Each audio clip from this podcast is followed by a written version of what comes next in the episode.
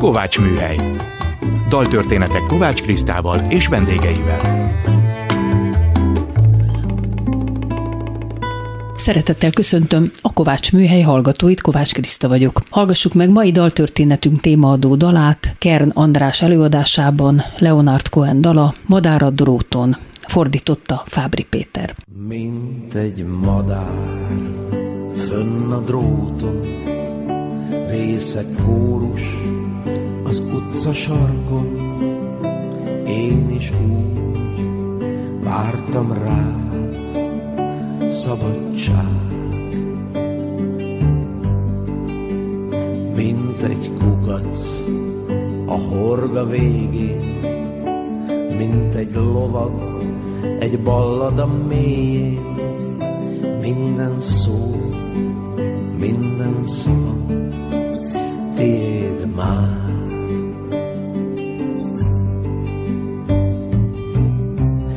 Én, hogyha vétettem én,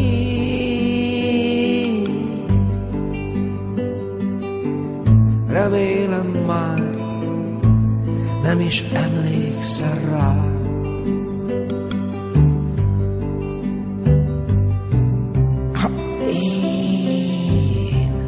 hogyha vétettem én.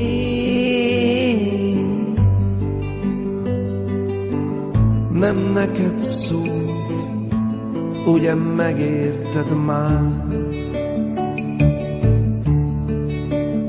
mint a halott kisbabák, mintha állat támad rád, téptem én rögtön szép, aki hozzám ért.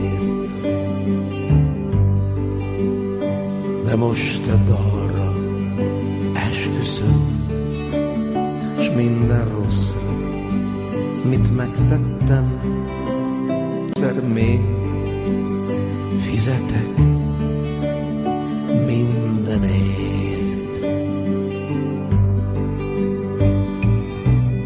Láttam egy koldúst, aki görbe bottal áll.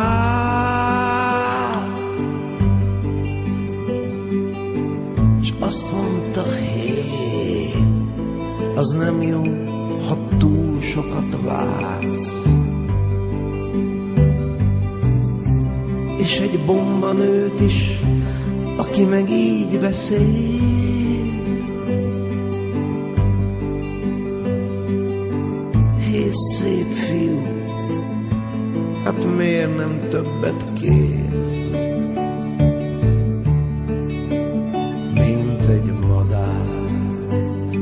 A dróton, részek kócs az utca sarkon, én is úgy vártam rád, szabadság. Szeretettel köszöntöm első vendégemet, Haraszti Miklós írót, volt politikust, az EBESZ volt szakértőjét. Szia, Miki! Szervusz! Ebben a dalban a szabadság és a madár össze van kötve, és adnak idején a rendszerváltáskor az SZDSZ is a madarat választotta szimbólumává és jelképévé. Miért? Hát, magától értetődő a válasz. Röpülni szerettünk volna, és ahogy a madár a dróton röpülni vágyik, ugye a Kohen És hát ez nagy boldogság volt. De ma már más idők járnak. Hullanak a verebek a dróton. Igen. Mindjárt március 15-e van, a 48-as forradalom egyik legfontosabb követelése volt a szabad sajtó. Hogy látod ezt, hogy állunk most ezzel? Egészen tragikusan, sokkal tragikusabban, mint, mint tegnap láttam, és minden nap borzalmasabb. És hát idefele elgondolkodtam, mint hogy Oroszország megtámadta Ukrajnát. És arra gondoltam, hogy egy ilyen akció nem lehetséges a mai Európában, ami 89-ünk utáni Európában szabad sajtó mellett. Ez kizárólag egy olyan sajtóvilágban lehetséges megetetni az orosz néppel, amelyik Amelyik cenzúra, ezt elfogadja és lelkesedik cenzúra, érte, ugye? Cenzúra, a pluralizmus megszüntetése, tehát a, nem a sokszínűség, hanem a sok központuság megszüntetése, hiszen ez, ez a pluralizmus értelme, és természetesen elképesztő mennyiségű propaganda. És ez a három együtt, tehát hogy megszűnnek a források egymás után, hogy mai Magyarországon ebben az interneten hallgatható rádióban hallhat a magyar és sehol máshol folyamatos, mondjuk egész nap adó híradást, amelyik, amelyik cenzurázatlan. Van még ezen kívül egy jól működő kereskedelmi tévé, de ott inkább csak este van hírműsor, és gyakorlatilag ezzel vége van. Ezen kívül csak azt kap szabad híreket ma Magyarországon, aki letölti. Tehát aki aktívan oda megy, rákattint, letölti. Aki a hagyományos médiát fogyasztja, ami a televízió, a rádió és a print sajtó, annak az egy szem népszavának a kivételével, az nem kap híreket, szabad híreket, valódi híreket, vitákat, és így tovább. És ilyen körülmények között lehet egy ilyen borzalmas agressziót végrehajtani, hála Istennek, hogy a, ahogy a King Kong reklám mondja, size matters, vagyis a méret számít, és Magyarország nincs abban a helyzetben, hogy háborút indítson. Hát mivel ez az adás 13-án megy le, és most azért jóval előbb vesszük fel, nem tudjuk, hogy amikor a hallgatók ezt hallják, éppen hogy áll ez a háború, remélhetőleg akkor már egy kicsit nyugodtabbak leszünk ez ügyben. De térjünk most vissza a sajtószabadság és a választás összefüggésére, hogy függ össze, illetve hogyan befolyásolja a szabad sajtó a szabad választást. Hát pontosan ugyanúgy, ahogy Putyinnál. Pontosan ugyanúgy, mint hogy kizárólag ezekből a hírforrásokból lehet értékelhető és vitázó és több szempontot bemutató híreket kapni, vagyis gyakorlatilag nem lehet. Ezért kizárólag azok szavaznak a kormány ellen, akik ezeket a letölthető híreket fogyasztják. Azoknak a nagy része, akik megelégszenek az úgynevezett push médiával, tehát a gomnyomása megkapható és ingyenes médiával, azok kizárólag kormánypropagandát kapnak. És ilyen körülmények között én nem értek egyet. Annak ellenére, hogy ebesz múltam van, és értek ezekhez a dolgokhoz, és vezettem hat ilyen választási missziót, a, főleg keletre.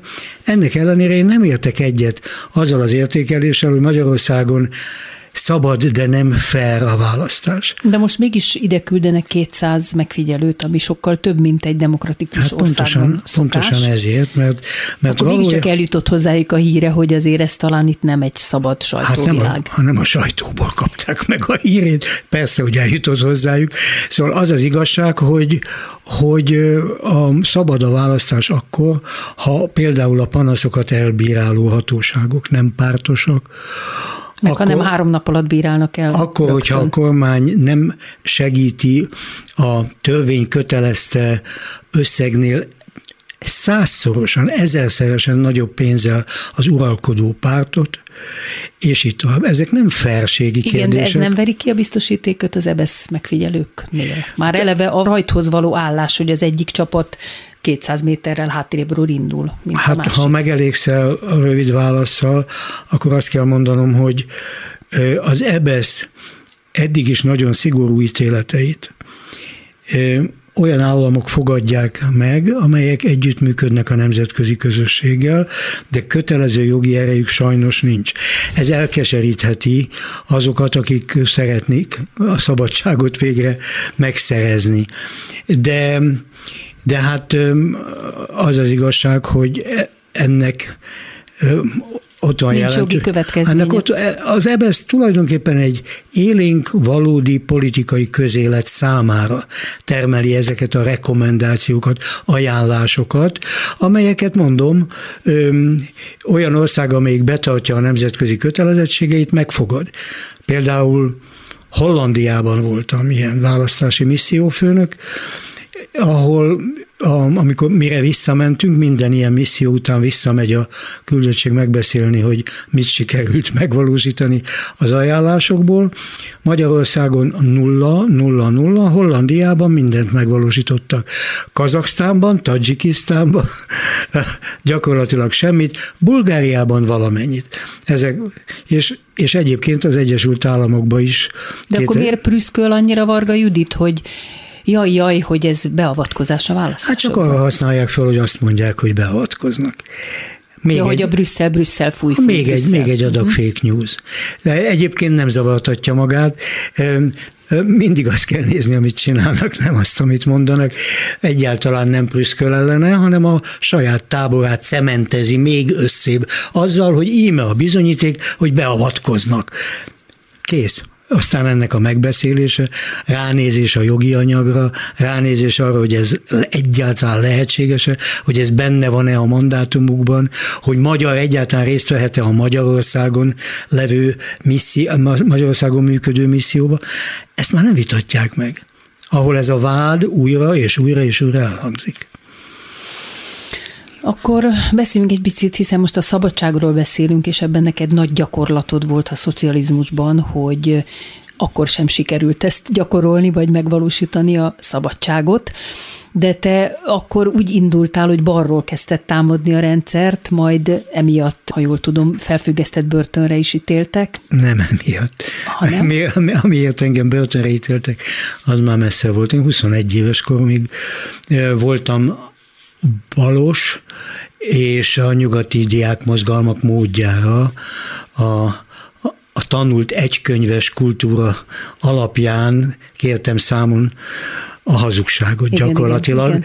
Igen, igen. De amikor, amiért börtönre ítéltek, az már messze, messze túl volt ezen a koron, már 24 éves voltam. De a darabért azt ez, a, ezután írtad, a darabért, elmentél melósként A darabért ezután írtam, mint hogy kirúgtak az egyetemről több egyszer, Igen. és már végleg, és hát gondoltam, akkor nézzük meg, hogy hogyan uralkodik a munkásosztály.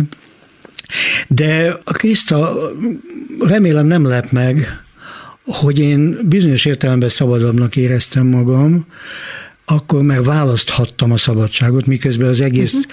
az egész nemzet pedig um, természetesen teljesen rab volt magamat is beleértve, egy, egy, egy geopolitikai, egy rendszerbeli, egy cenzúrázott és egy terroron alapuló rendben.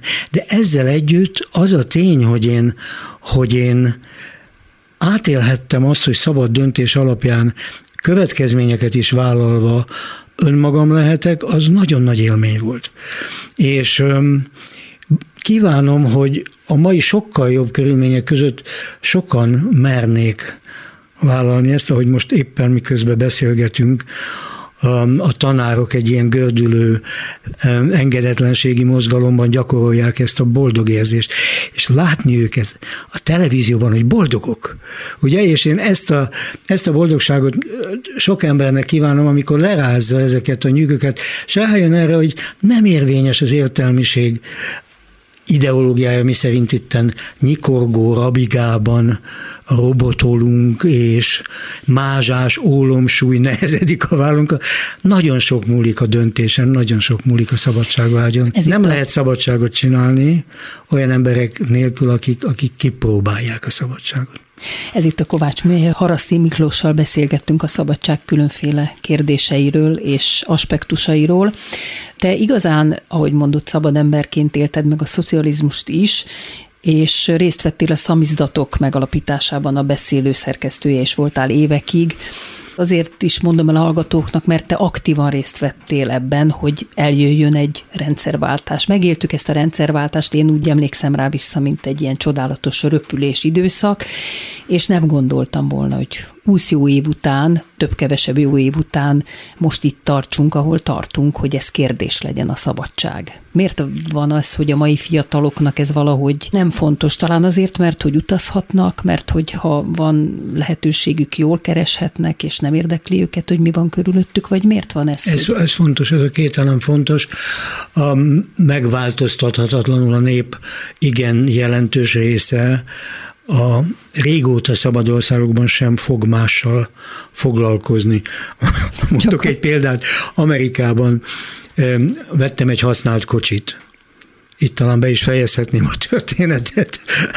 és miközben megkérdezte tőlem a, az eladó, aki egy bovlit adott el nekem, mint utólag kiderült, hogy én honnan vagyok, és mondtam, hogy Magyarországról, és a, öklét összeszorítva azt mondta, ha én ott lettem volna 56-ba, megsemmisítettem volna legalább 10 harckocsit, mondta, és aztán eladta nekem a bóvli kocsit. szóval, szóval az az igazság, hogy, az az igazság, hogy ez, ez egy rész. A másik része a dolognak az, hogy demokrácia van, abban az értelemben, hogy végül is az fog érvényesülni, amit a nép akar. És hogyha propagandával és cenzúrával és a források megritkításával az információját megritkítják, akkor egy kicsit nagyobb lesz az a rész, amelyik az álhíreknek és a hamis összeesküvés elméleteknek bedől. És egy, egy harmadik dolog pedig az, hogy, hogy nagyon-nagyon nehéz olyan körülmények között teljesen szabadnak lenni, amikor mindenki része a rendszernek. Szóval régen lehetett, én választhattam a szabadságot úgy, hogy kizártam magam a rendszerből. Az egy óriási nagy szabadság volt. A demokráciában ilyen nincs. Hogyha nem ha, hogyha nem, nem szavazok, akkor döntöttem valami mellett. Ha másképpen szavazok, mint ami a szabadságom érdekében áll, akkor megint döntöttem valami mellett. Ez egy diktatúrában nincs így. Tehát bizonyos értelemben a szabadság fokunk csökken egy olyan rendszerben, ahol nagyon sok más embertől is függ a szabadságunk. Pont ehhez kapcsolódóan találtam tőled egy idézetet, amit 1969-ről írtál, erről az évről. Egy másik jó barátot is köszönhetek annak az évnek. Konrád látogatójának megjelenése ebbe nehogy már csinált hangulatba trafált bele. Itt volt a bizonyíték, hogy az öncenzúra az egyetlen érdemes ellenfél, és hogy lehetséges a kompromisszum nélküli minőség. Na most itt engem nagyon megfogott, hogy az öncenzúra, amit talán a mai úgynevezett szabad világban a legnagyobb ellenségünk, nem? a szabadságnak? Hát minden, végül is a legbrutálisabb diktatúra igazi célja az, hogy öncenzúrát kényszerítsen Tehát a félelem. ki, és az ilyen ravasz, ravaszdi és sok ágon befolyásoló és az információt megritkító rendszernek is ez a célja. De egy egészen furcsa alakulat a mai magyar sajtó. Én sehol, én nagyon sok sajtóhelyzetet tanulmányoztam. Én még sehol ilyet nem láttam. Még Oroszországban sincs így, ottan rossz, még rosszabb a helyzet. Két teljesen szétváló és eszmei szögesdróttal elválasztott része van a sajtónak. A két nagy blokkban, amit a kormány pénzzel, tehát az úgynevezett kesmában és a kormány médiában, az állami médiában abszolút nincs sajtószabadság, nincs szólásszabadság. Ott kizárólag fekete-fehéren vagy a kormány dicséred, vagy az ellenszéket, a mindenkori ellenséget szidod. És semmi más nem lehet írni. Ezzel szemben a online sajtóban, tehát a maradék szabad sajtóban, a letölthető sajtóban, a, csináld, a mai fajta szamizdatban, a mai csináld magad sajtóban, eh, amit meg is kell fizetnie a fogyasztónak, ellentétben a teljesen szabadon letölthető propaganda sajtóval. Ebben van pluralizmus, van belső is, egymással is vitatkozhatnak a, a sajtó e, orgánumok egymással, a belül az újságírók, az véleményírók. Tehát ott van pluralizmus. És ilyen helyzetet én még nem látom, hogy ennyire középen elválasztva egy a nem hogy a 80-as évek kommunizmusához, hanem tényleg az 56 előtti elvadult szélsőséges kommunista propagandához hasonlítható szabadsághiány van, és a másik oldalon pedig egy kizárólag az aktívan maguknak sajtót kereső emberek pluralizmusa van, tehát az modern, csak éppen elenyészik. Így fogalmaztad meg valahol, a tájékozottság ismét szigetekből áll, és kevesek kiváltsága lesz, miközben a propaganda médiára szorulnak a kevésbé tehetősek. Így van, szociális kérdés is, hogy mivel rászorulnak a, arra, hogy fizetőfal mögé vonuljanak az online médiák, ezzel egy kicsit magukat is habságba döntik, mert ilyen módon nem lehet áttörni a buborékot, mert pedig egy úgynevezett közvélemény akkor alakul ki, ha átjárás van a buborékok között, és összegződik a, a, a, a nép véleménye. Másrészt pedig hát fizetni kell érte, és ez bizony szociális kérdés is. De ki lehetne valamiféle úgynevezett nemzeti minimumot alakítani, amiben meg lehetne egyezni. Nekem ez a szabadság, a köztársaság és a nyugathoz tartozás. Tehát ez a, ez, ezt a hármat kéne ugyanilyen primitíven mondani szerintem. Ez a, három én... nem, ez a három nem jön létre, amíg, amíg egy eh, hatalomváltás, sajnálom, hogy ezt a, ezt a ezt az eminensen direkten és nyersen politikai szót kell mondanom, nem állítja helyre a pluralizmust. Igen. Tehát nem a sokszínűséget, mert ma is van fényes papíron, meg, meg meg, meg van WC papíron is sajtó, ja, hanem mutatni, a sok igen. központoságot. Azt, hogy hogy, hogy szabadon lehet bármely szegletébe az országba eljutni szabad hírekkel. Most ez földrajzilag is be van határolva, mert minden nyomtatott médiát a vidéken megszereztek, és mert az emberek, akik fáradtan hazatérnek, csak bedugják magukat a konnektorba, de nem kezdenek keresni. Ha kezdenek keresni, akkor már hiányzik nekik a pluralizmus, és ahhoz, hogy ez működjön a nyugat, a köztársasági erények, ami nem más, mint az, hogy hatalomkorlátozás van, hogy, hogy a hatalom megosztás rendszerei és az ellenőrzés rendszerei működnek, és hogy cenzúramentesség van, szabad szó van, ezek a dolgok nem jönnek létre anélkül, hogy egyszer keresztül ne menne ezen a válságon egy ország, amiben mi most vagyunk. Keresztül kell menni rajta, meg kell vívni, és amikor megéljük, hogy saját erőből végre egyszer nem külföldi beavatkozás útján le tudtuk gyűrni a belülről támadó szabadsághiányt, a belülről támadó cenzúrát, a igenis demokratikus úton megválasztott cenzúrát.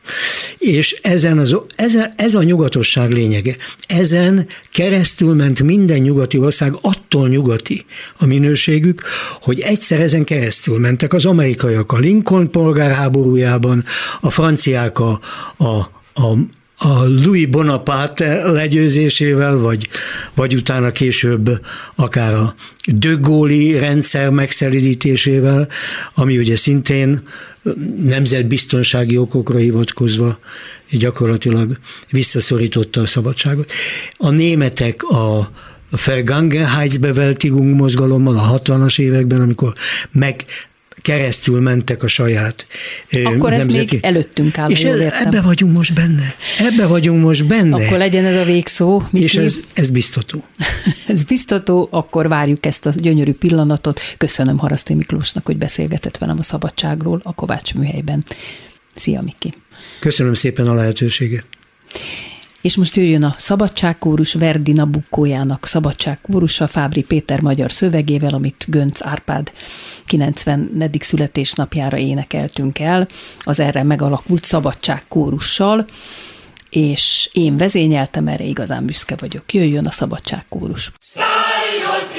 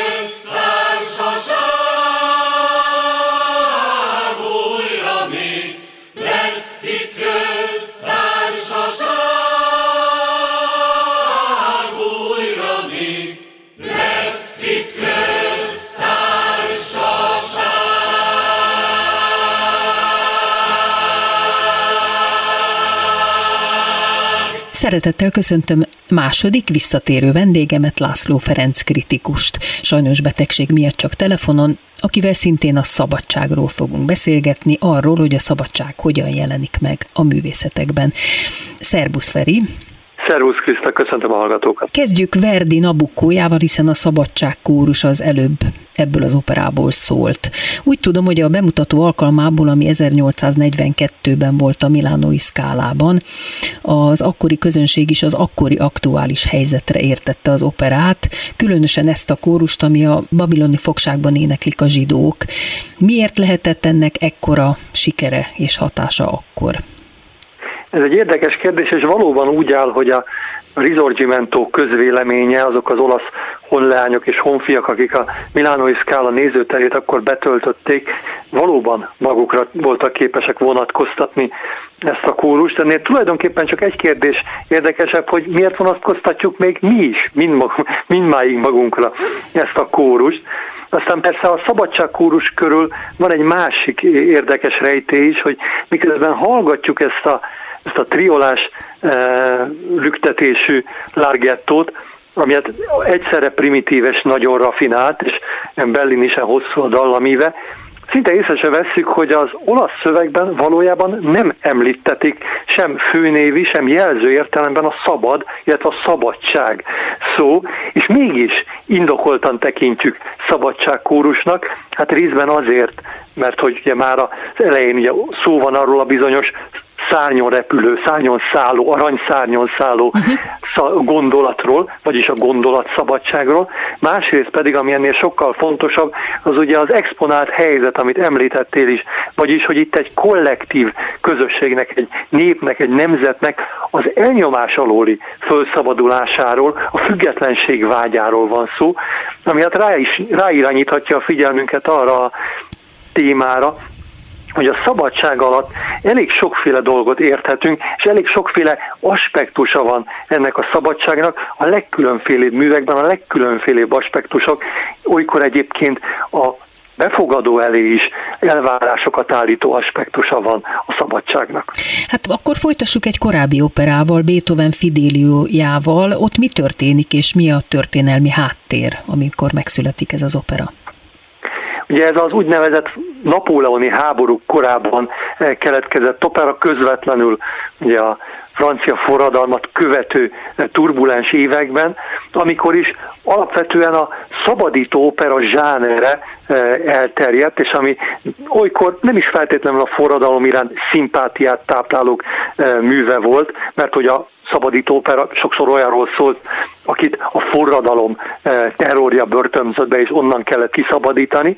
Most tehát ez a szabadító opera zsánere, ez eljutott Bécsbe is, ahol egyébként hát nyilvánvalóan mindenféle politikai és cenzurális konfliktusokat okozott ez a téma, és ott Beethoven számára remek alapanyagnak bizonyult, hát még azzal együtt is, hogy tudjuk, a Fidélió három nekifutásban jutott el a közönség elé 1805-ben, aztán 1806-ban, majd aztán a véglegesnek tekinthető formája 1814-ben került csak a közönség elé, és tulajdonképpen egy olyan közegben került a közönség elé, ahol a szabadság nem volt nagyon legitim téma. És mégis Beethovennek sikerült olyan módon megfognia a szabadság témáját, hogy az sokkal kevésbé a szavakban van jelen, bár ott is jelen van természetesen a Freiheitról, ugye euforikus hangvétellel uh-huh. énekelnek, főleg Florestán, de ahol ez a bizonyos szabadság a zenében olyan mértékű emelkedettség kíséretében van jelen, hogy az mint az imént említettem, valójában egyfajta elvárást támaszt velünk szemben. A szabadság itt nem is annyira elnyomás elleni szabadság, nem is annyira függetlenség, eh, hanem valami olyan szabadság, ami az eszmények birodalmában eh, van jelen, és aminek tulajdonképpen aktuális politikai megnyilatkozásai, aktuális politikai érvényesülése valójában inkább csak egy földszintet eh, jelent ebben az ideában. Akkor most egy nagy lóugrással ugorjunk Magyarországra, hiszen mindjárt március 15-e van, és az a szabadság ünnepe Magyarországon, a szabadságharc és a forradalom ünnepe. Hát jöjjön Petőfi Sándortól ez a két sor, szabadság, szerelem, e kettő kell nekem, szerelmemért föláldozom az életet, szabadságért föláldozom szerelmemet. Elemeznéd nekem ezt a két soros verset, amit 1847-ben írt? Nehéz lenne ezt elemezni, mert hogy valóban újra oda jutunk vissza, hogy a szabadság, annak volt a 19. században egy egészen-egészen részegítő értelme. És egy olyan értelme ráadásul, amiben egészen különböző dolgok is beleérthetőek voltak.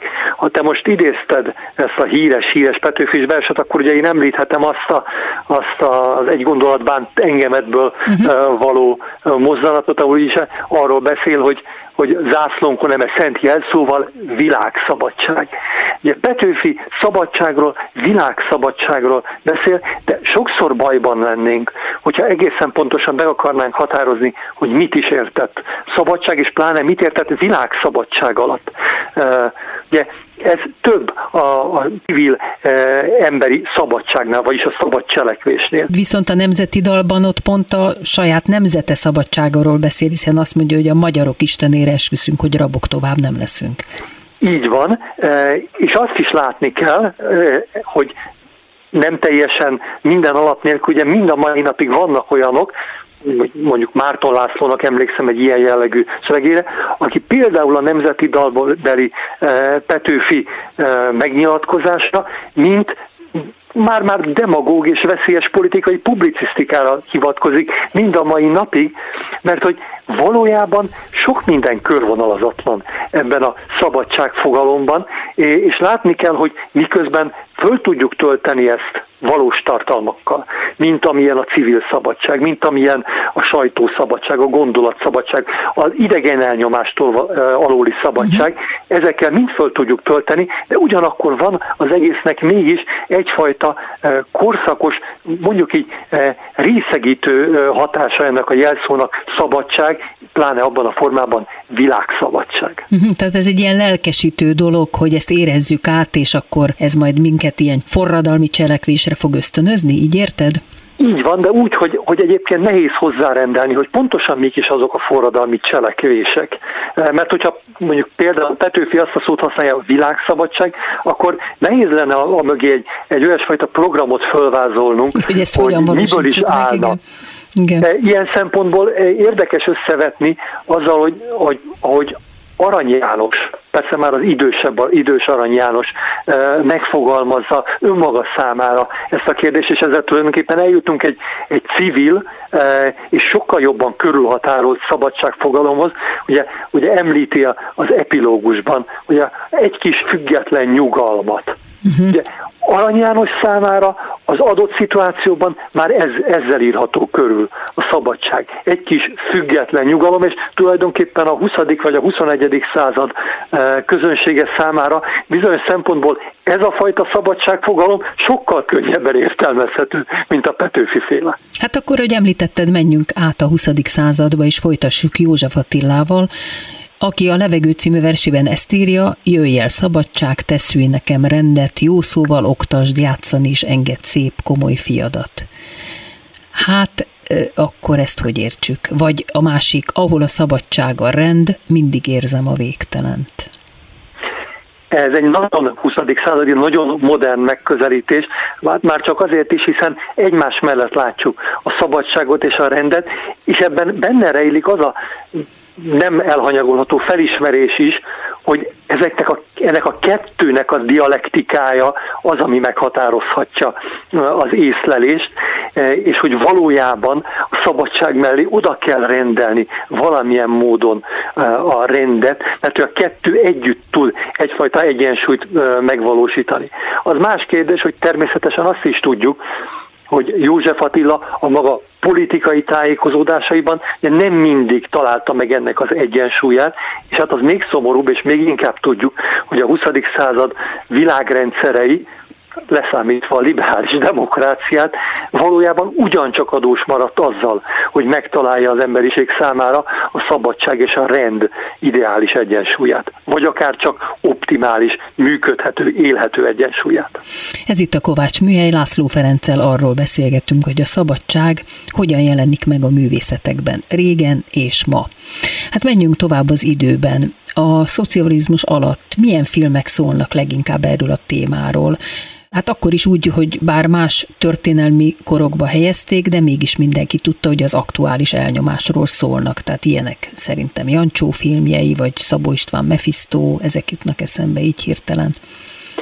Így van, ezek feltétlenül olyanok, amelyek emblematikus módon felmutatják azt, hogy a szabadság különböző aspektusaiból mit tudott megragadni, és milyen válaszkísérletekkel a filmművészet, de én mondanék két másik filmet. Igen ha nincs ellenede. Az egyik, az bizonyos szempontból ma nem, egy, nem számít a divatos filmek közé tartozónak, az Kovács András 1968-as filmje, bizonyos szempontból zsurnalisztikai jellegű filmje, a Falak. Igen, fölírtam ami magam, arról, én is ami ugye arról szól, hogy egy adott rendszerben, ugye a szocializmus ebben az értelemben minden szempontból egy adott rendszer volt 1968-ban, egy adott rendszerben a cselekvési szabadság az hol húzódnak meg annak a határai. Hogy a cselekvési, határ, cselekvési szabadságnak a határai bizonyos szempontból még egy ilyen adott rendszeren belül is valójában mi magunk korlátozzuk önmagunk számára. Tehát, hogy még egy, egy mondjuk nem demokratikus elnyomó rendszerben is valójában a cselekvési szabadság határai másút húzódnak meg, mint ahol mi azt sejtjük. És ez még azzal együtt is egy nagyon fontos és bizonyos szempontból kifejezetten bátor és előremutató eh, megállapítás volt, kijelentés, eh, felmutatás a film részéről, hogy tudjuk, ez egyfajta 68-as optimizmusban fogant, és tulajdonképpen a rendszer sem opponáló film volt, de mégis egy nagyon fontos mozzanatára mutatott rá a szabadságnak, amit tulajdonképpen ugyancsak azt hiszem aktuális átgondolnunk, hogy amikor az öncenzúra vagy az önkorlátozás eszközével élünk, azt magunkra kényszerítjük, akkor valójában a saját cselekvési szabadságunk határait másút vonjuk meg, mint ahol az valójában lenne. De tulajdonképpen a Mephisto is arról szól, hogy a művésznek hol van a felelőssége és a szabadsága, és meddig terjed, és meddig köt kompromisszumot az adott rendszerrel. Hát ezek nagyon izgalmas kérdések, azt gondolom ma is. Így van, és ha lehet, akkor mondanék még egy uh, filmet, amit szintén nem uh, Jancsó uh, rendezett, vagy Szabó István, és ez pedig uh, Fábri Zoltánnak az 1976-os ötödik pecsétje. Bizony, bizony. Ami egy ami egy történelmi, és hát a magyar történelem számára egy, egy meghaladhatatlan mélypontot jelző történelmi pillanatban játszódik, egészen végletes pillanatban, és azt a kérdést járja körül többek között, hogy milyen olyan szituációk adódhatnak, amikor még a nem, nem cselekvés szabadságától is megfosztják az embert. E, és ezt járja körül, és hogy a kisember számára olykor még az is előfordulhat, hogy annyira gyilkos rendszerbe kerül, hogy már az miatt is az életével kell fizetnie, mert valamit nem hajlandó megtenni.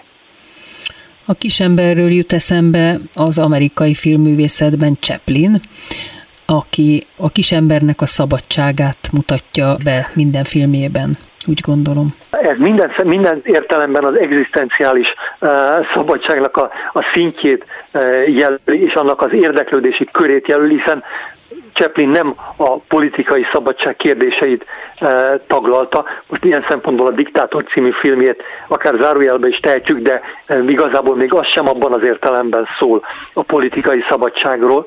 Őt az izgatta, és ennyiben feltétlenül 20.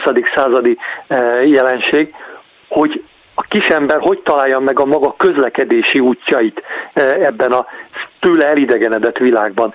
És miközben nem feltétlenül vannak ennek az elidegenedett világnak mondjuk így politikai korlátozást jelző jellegzetességei, mégis pusztán az elidegenedettsége és a modernitása okán mégis a kisemberi szabadság gátjává képes válni.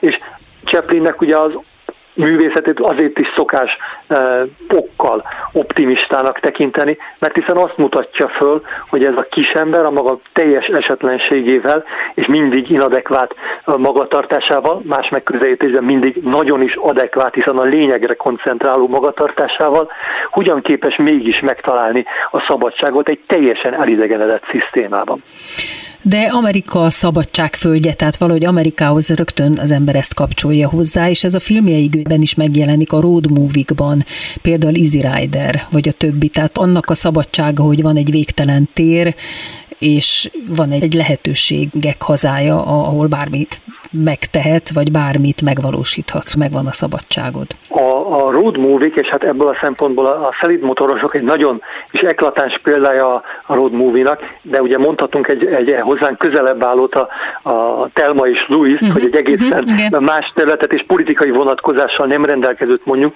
Ugye a kiszakadásnak, a kiválásnak a, a szabadságát mutatja föl, de egyébként nagyon fontos és jellegzetes, hogy valójában mind a két esetben tragikus végkimenetellel.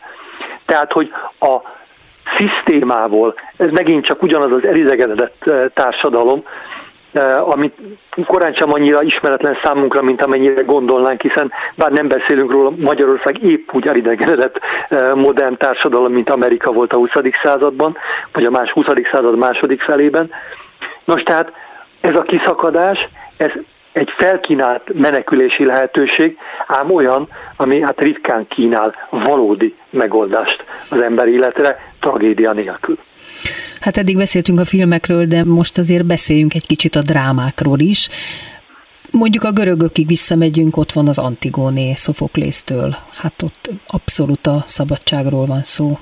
Pontosabban a szabadságról abban a formában, hogy a cselekvési szabadság, ami egy ami összeütközik a hatalommal, igen. Ami egy, ami egy igen kis körre korlátozódik, hiszen valójában egy rituális cselekedetnek, temetésnek a szabadságáról van szó, igen. amit nem is annyira, nem is annyira rend törés, hogy az megtörténjen, az a rendtörés, hogy megtiltják ennek a véghezvitelét. Nos, tehát, hogy egy ilyen pillanatban a cselekvési szabadságnak nem is annyira a lehetősége vagy a korlátai hogyan alakulnak, hanem hogy mit vállal magára az, aki mégis követi a hagyományt, a szokást, az amúgy létező rendet. Shakespeare-nél melyik darabot gondolod témához odaillőnek?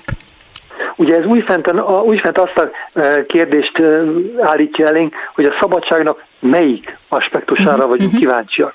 Mert hogyha például arra, hogy hogyan tudnak fiatalok a maguk érzelmi választásait követve pár találni egymás, pár találni maguknak, akkor egy sor eh, Shakespeare mű, kezdve természetesen a Rómeó és Júliával kínálkozik számunkra, mint ami a szabadságnak ezt a korán sem lebecsülendő vonatkozását, a szabad szerelmi választásnak a vonatkozását fölmutassa számunkra, ami egyébként, még hogyha a nyugati társadalomban ma már lezárt kérdésnek is tűnik, valójában a világ számos pontján még mindig nem számít olyasfajta alapvető szabadságjognak, mint amennyire azt szeretnénk hinni.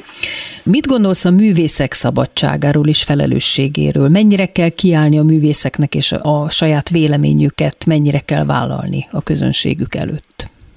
Mondok pozitív példát, hiszen 56-ban és 56 előtt is az írók kiálltak a véleményükért, igaz, hogy utána börtönbe is kerültek többen, Lásd Déli Tibor vagy Darvas Iván, de a rendszerváltáskor is sok művész odaállt, például Cserhalmi György. Hogy van ez a dolog a művészekkel és most a politikai szabadságjogok vállalásával? A elnyomás, vagy a politikai elnyomással szembeni fellépés az nyilvánvalóan tekintsük, ha nem is primér, de egy egészen logikus művészi kötelesség e, gyanánt.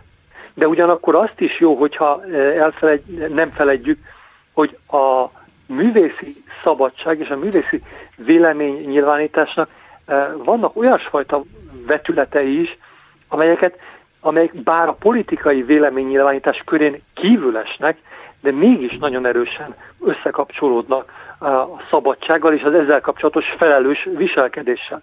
Ilyen például a közvéleménnyel való szemben helyezkedésnek a szabadsága, az azzal kapcsolatos bátorság, az ugyancsak a szabadság követelésének egyik egyértelmű jele, hogyha például valaki a közvélemény nyomásának képes a maga művészetével, vagy adott esetben a maga nyilatkozatával e, szemben állni. Ugye a, köz, a, a szociális média korában, ugye amikor a Facebook és egyéb buborékok ránehezednek egy sor embernek a vélemény nyilvánítására, ez például, hogy valaki ilyenkor képes autonóm módon e, fölmutatni a maga véleményét és kitartani a maga álláspontja mellett, az igazából épp oly erőteljes szabadság deklarálását tud válni, mint egy a saját köre által elfogadott szabadságkiállás, például politikai ügyekben. Hát köszönöm szépen László Ferencnek, hogy ismét vendégeskedett a Kovács műhelyben. Szerbusz Feri! Szervusz, nagyon köszönöm, hogy meghallgattatok. És köszönöm hallgatóink figyelmét Pályi Márk és Rózsahegyi Gábor munkatársaim nevében is. Az adás ismétlése ma este tízkor hallható, majd utána az archívumban is, bármikor elérhető.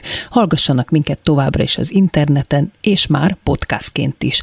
És itt mondom el, hogy pár nap múlva indul a Klubrádió tavaszi gyűjtőhete, amelynek fő szlogenje pont illik a mai adásunkhoz. A szabadságot választjuk, Klubrádió. Jövő vasárnap egy újabb daltörténettel jelentkezik a Kovács műhelyben, Kovács Krisztával és vendégeivel. Egy mexikói népdal, a Cielito Lindo adja a témát, azaz Mexikót. A dalt Fábri Péter fordításában is Viktor Máté hangszerelés hallják majd, édes kis párom. Első vendégemmel Bobai István történész doktorandusszal Mexikó történelméről, különösen pedig az úgynevezett mexikói kalandról fogunk beszélgetni. Majd Bihari Ágnes fotóművész és újságíró lesz a vendégem. Őt kérdezem a mexikói emlékeiről, hiszen több évig élt ott. Kovács műhely. Vasárnaponként ötkor következik a dal Cielito Lindo.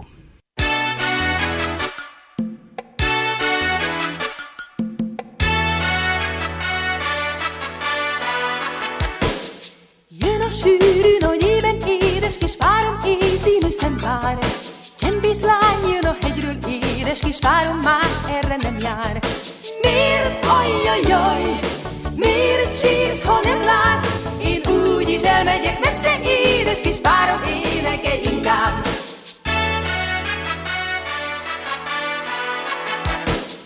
Régi fészkére térne, édes kis párom, vissza a madár. Látja késő a bánat, édes kis párom, más lakja ma már.